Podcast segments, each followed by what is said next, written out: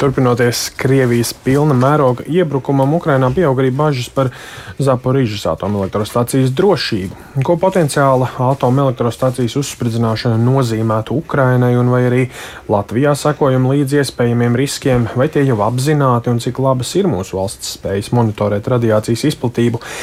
Par šiem jautājumiem un arī par to, kā sevi iespējami no radiācijas pasargāt, jau šajā mirklī vaicāsim valsts vidas dienas radiācijas drošības centra direktorei Dacei Šatrovskai, kuru esam aicinājuši studijā. Labrīt! Labrīt! Jā, nu, vai sekojat līdzi tam notiekošajam Zaporižē īpaši pēdējā laikā, jo runas par tiem riskiem šķiet šobrīd atkal eh, aug. Cik nopietns apdraudējums tur ir? Jā, protams, ka mēs jau no pagājušā gada, kad sākās šī situācija saistībā ar Zaporīžas atometrostaciju, sekojam līdzi gan pagājušajā gada, gan šogad, tīpaši ņemot vērā tās e, ziņas, kas izskanēja saistībā ar Kahovkas dambja uzspridzināšanu saistībā ar dzēšanu šajā atometrostaciju un arī par iespējamiem terora aktiem. Tas nozīmē, ka mūsu monitorings notiek 24-7 režīmā. Bet vispār šobrīd nu, arī jums, kā, kā, kā šīs jomas profesionālai, ir pieejama šī informācija, nu, par spīti tam, ka notiek karš um, Ukrainā. Tā informācija ir gana daudz un gana pieejama, netiek slēpta vai grūti saņemama. Kā, kāda ir situācija? Protams, ka ir, mēs skatāmies informāciju ne tikai, kas ir oficiālā, kas ir starptautiski pieejamā, bet arī sekojam līdzi ziņām, kas parādās gan uh, sociālajos tīklos, gan arī uh, publiskajā telpā. Bet, protams, ka ir jāvērtē, kura ziņa ir vērā ņemama un kura ir cik patiesa. Un mēs vairāk pieturamies pie šiem starptautiskām tām ziņām, ko saņem regulāri. Eh, protams, ka eh, konkrētā situācija nu, ir jāvērtē arī no mūsu puses, vai tas risks ir vai nav. Jo par to, kāds vērtējums varētu būt eh, konkrētai teritorijai, netiek ziņots starptautiski. Tiek ziņots par notikumiem, kas, ir, kas notiek, ko starptautiskie eksperti šajā atomenerģijā saskata. Jo visu laiku starptautiskā atomas aģentūras eksperti atrodas šajā Zaporižas atomenerģijā. Tas nozīmē, ka ne tikai atrodas Ukrainas eksperti, bet arī starptautiskie eksperti. Un tur tieši rodas tā pretruna, jo ANO eksperti ziņo, ka viņi nav atraduši līdz šim nekādas mīnas vai citas sprākstvielas. Turpretim Zelenskis ceļ trauksmi, ka Krievija varētu tomēr, nu, ka pastāv nopietni draudi un varētu izprovocēt sprādzienu. Kā tad, nu, kam ticēt?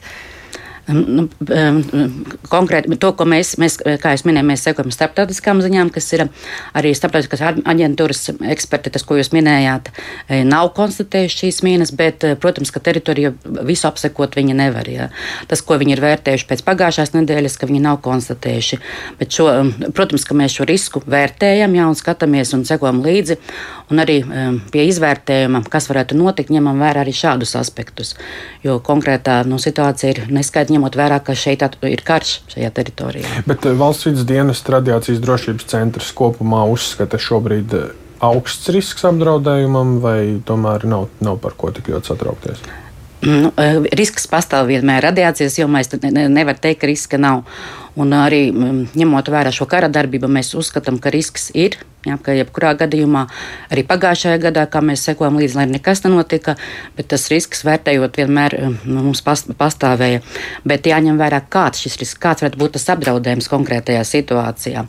Jo tas, tas kas būtiski jāņem vērā, ka šajā brīdī atomenerģijas šie seši reaktori nedarbojas ja ir pieņemts lēmums viņu darbību apturēt jau pagājušajā gadā, ņemot vērā šos riskus, arī tieši kara darbība blakus šai teritorijai. Un vēl tas, tas, kas ir būtiski mūsu gadījumā, mēs atrodamies pietiekami tālu no šīs teritorijas. Ja, tas ir vairāk nekā 1000 km attālumā. Jo salīdzinājumā ar Baltkrievijas atomenerģiju atrodas kas 100 km attālumā no mūsu valsts robežas. Nu, ja mēs pamodelējam situāciju, piemēram, protams, nedod Dievs, bet ja kādu dienu ziņās mēs izdzirdam vai izlasam, nu, ka Zaporižas atomelektrostacijā ir noticis sprādziens, ko darīt, kā reaģēt, vai ir kā īpaši jārīkojas, vai būtu kāda apziņošana, kāds būtu scenārijs? saņemot šo ziņu par, um, nu, par notikumu, mēs noteikti viņu izvērtēties, jāsaprot, vai, tās ziņas ir, kurā, kurā šīs ziņas no kurā eh, kanāla ir saņemtas. Ja? Un tiktu apziņotas gan iestādes, tas ir svarīgi, lai mūsu iestādes visas ir informētas, un arī tiek gatavot ieteikumi iedzīvotājiem. Un, eh, tā kā arī citās katastrofās, tas tiktu apziņots iedzīvotājs izmantojot Latvijas radio, um, televīziju un arī sociālos tīklus. Tas nozīmē, iedzīvotāji varētu uzzināt. Tas svarīgi ir iedzīvotājiem sekot līdzi tiem oficiālajiem kanāliem, jā, kas ir būtiski, kas šādā situācijā, jo noteikti būs arī dažādas spekulācijas jā, par to, kas ir noticis vai kas varētu notikt, ir svarīgi sekot mūsu informācijai sniegtajai. Un, um, tas, kas ir, kā jau minēju, mēs atrodamies pietiekami tālu, ja, un um, šie reaktori nedarbojas. Tas nozīmē, ka tas, ko mēs esam vērtējuši, un arī citas valstis vērtējušas, ir, ka šis apdraudējums priekš mūsu situācijā būtu tāds niecīgs vai tas nebūtu būtisks. Ja. Tas nozīmē, ka nebūtu tāds kaitējums, kā uh, ja notiktu atomatrastācijas uh, Baltkrievijā avārija. Ja. Un tas nozīmē, ka cilvēkiem nebūtu jāsēž mājās vai jāķer pēc joda tabletēm. Dzīve varētu turpināt ierasto gaitu. Protams, ka dzīve neturpinātos kā ierastā gaitā, jo iedzīvotāji būtu satraukušies. Ja? Tas, tas ir svarīgi šādā situācijā saglabāt mieru, ja? lai saprastu un sekot līdz šai informācijai.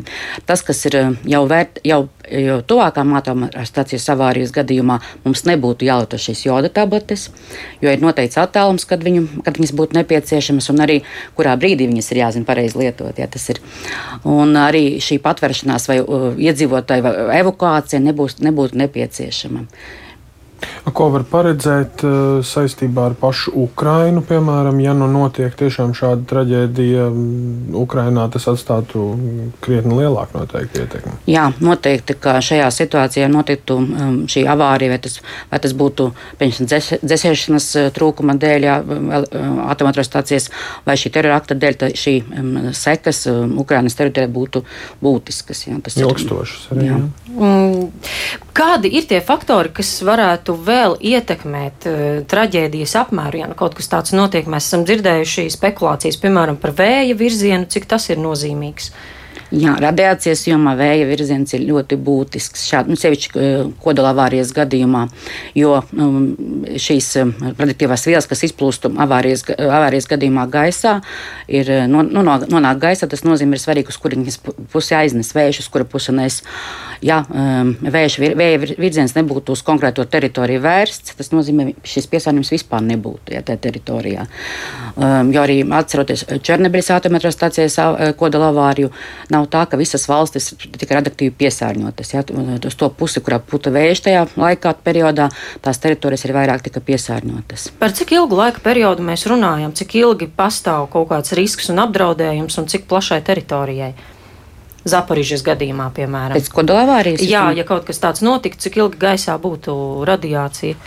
Tas ir atkarīgs e, no meteoroloģiskiem apstākļiem arī. Ja, noteikti, ja, ja, ir, ja, vēj, ja vējš ir ātrāks, ja, tas nozīmē, ka e, vēja, ja vēja, vēja ātrums ir lielāks, tad šīs daļiņas tiktu ātrāk aizpūst no tās teritorijas. Viņas vairāk izkliedētos arī. Tad tas piesārņojums konkrētajā teritorijā būtu mazāks. Savukārt, ja ir mazāks vējš, tas nozīmē, viņam būtu iespējas vairāk nokļūt zemē konkrētajā teritorijā. Bet e, atgriežoties pie mūsu pašu valsts eh, drošības šajā jautājumā, kā jūs kopumā vērtējat mūsu spēju monitorēt un paredzēt un sakot līdz dažādiem radiācijas rādītājiem? Mums ir gan pietiekami plaši dažādi eh, mērinstrumenti vai, vai nu, nodrošinājums, lai sakotu dažādām situācijām. Jā, valsts vidas dienesta rīcībā ir šādas um, stacionārās monitoringa stācijas radiācijas, kas izdodas pa visu Latvijas teritoriju. Viņas ir 20. Tas ir plašs uh, te, plaš pārklājums. Citām valstīm, ka varbūt vairāk atometrostāciju nav tik plaši. Bet, ja. Tas, mēs spē, nu, spējam nomonitorēt mūsu teritoriju. Bet, protams, šādā situācijā notiek kodolavārija citā valstī. Ja. Mēs sekot līdz ne tikai savām um, stāciju rezultātiem, bet arī citu valstu. Bet mūsu pašu nodrošinājums nevar sūdzēties. Nē, nu, Kapacitāte pietiek? Jā, e, monitoring, monitoringam pietiek. Tas e, nākamais jautājums būtu ir zināšanas, jā, jo, kā es minēju, mēs ļu, e, uz, uzticamies šiem starptautiskajiem um, ekspertiem, kas dod arī slēdzienu. Jāņem vērā, ka šīs ir ne, nu, tāda neikdienas, ne, neikdienas situācija, jā, jo šāda situācija, ka būtu ieņemta atometrostācija, nav bijusi pas, pasaulē. Šis ir pirmais tāds gadījums, un tāpēc šis risks, un arī, arī citas val, citu valstu eksperti satraukušies par šādu situāciju. Jā, nu cerēsim, ka mūsu šī rīta saruna vien tāda teorētiska arī paliks. Paldies, teikšu, valsts vidas dienas radiācijas drošības centra direktorei Dacei Šatrovskai.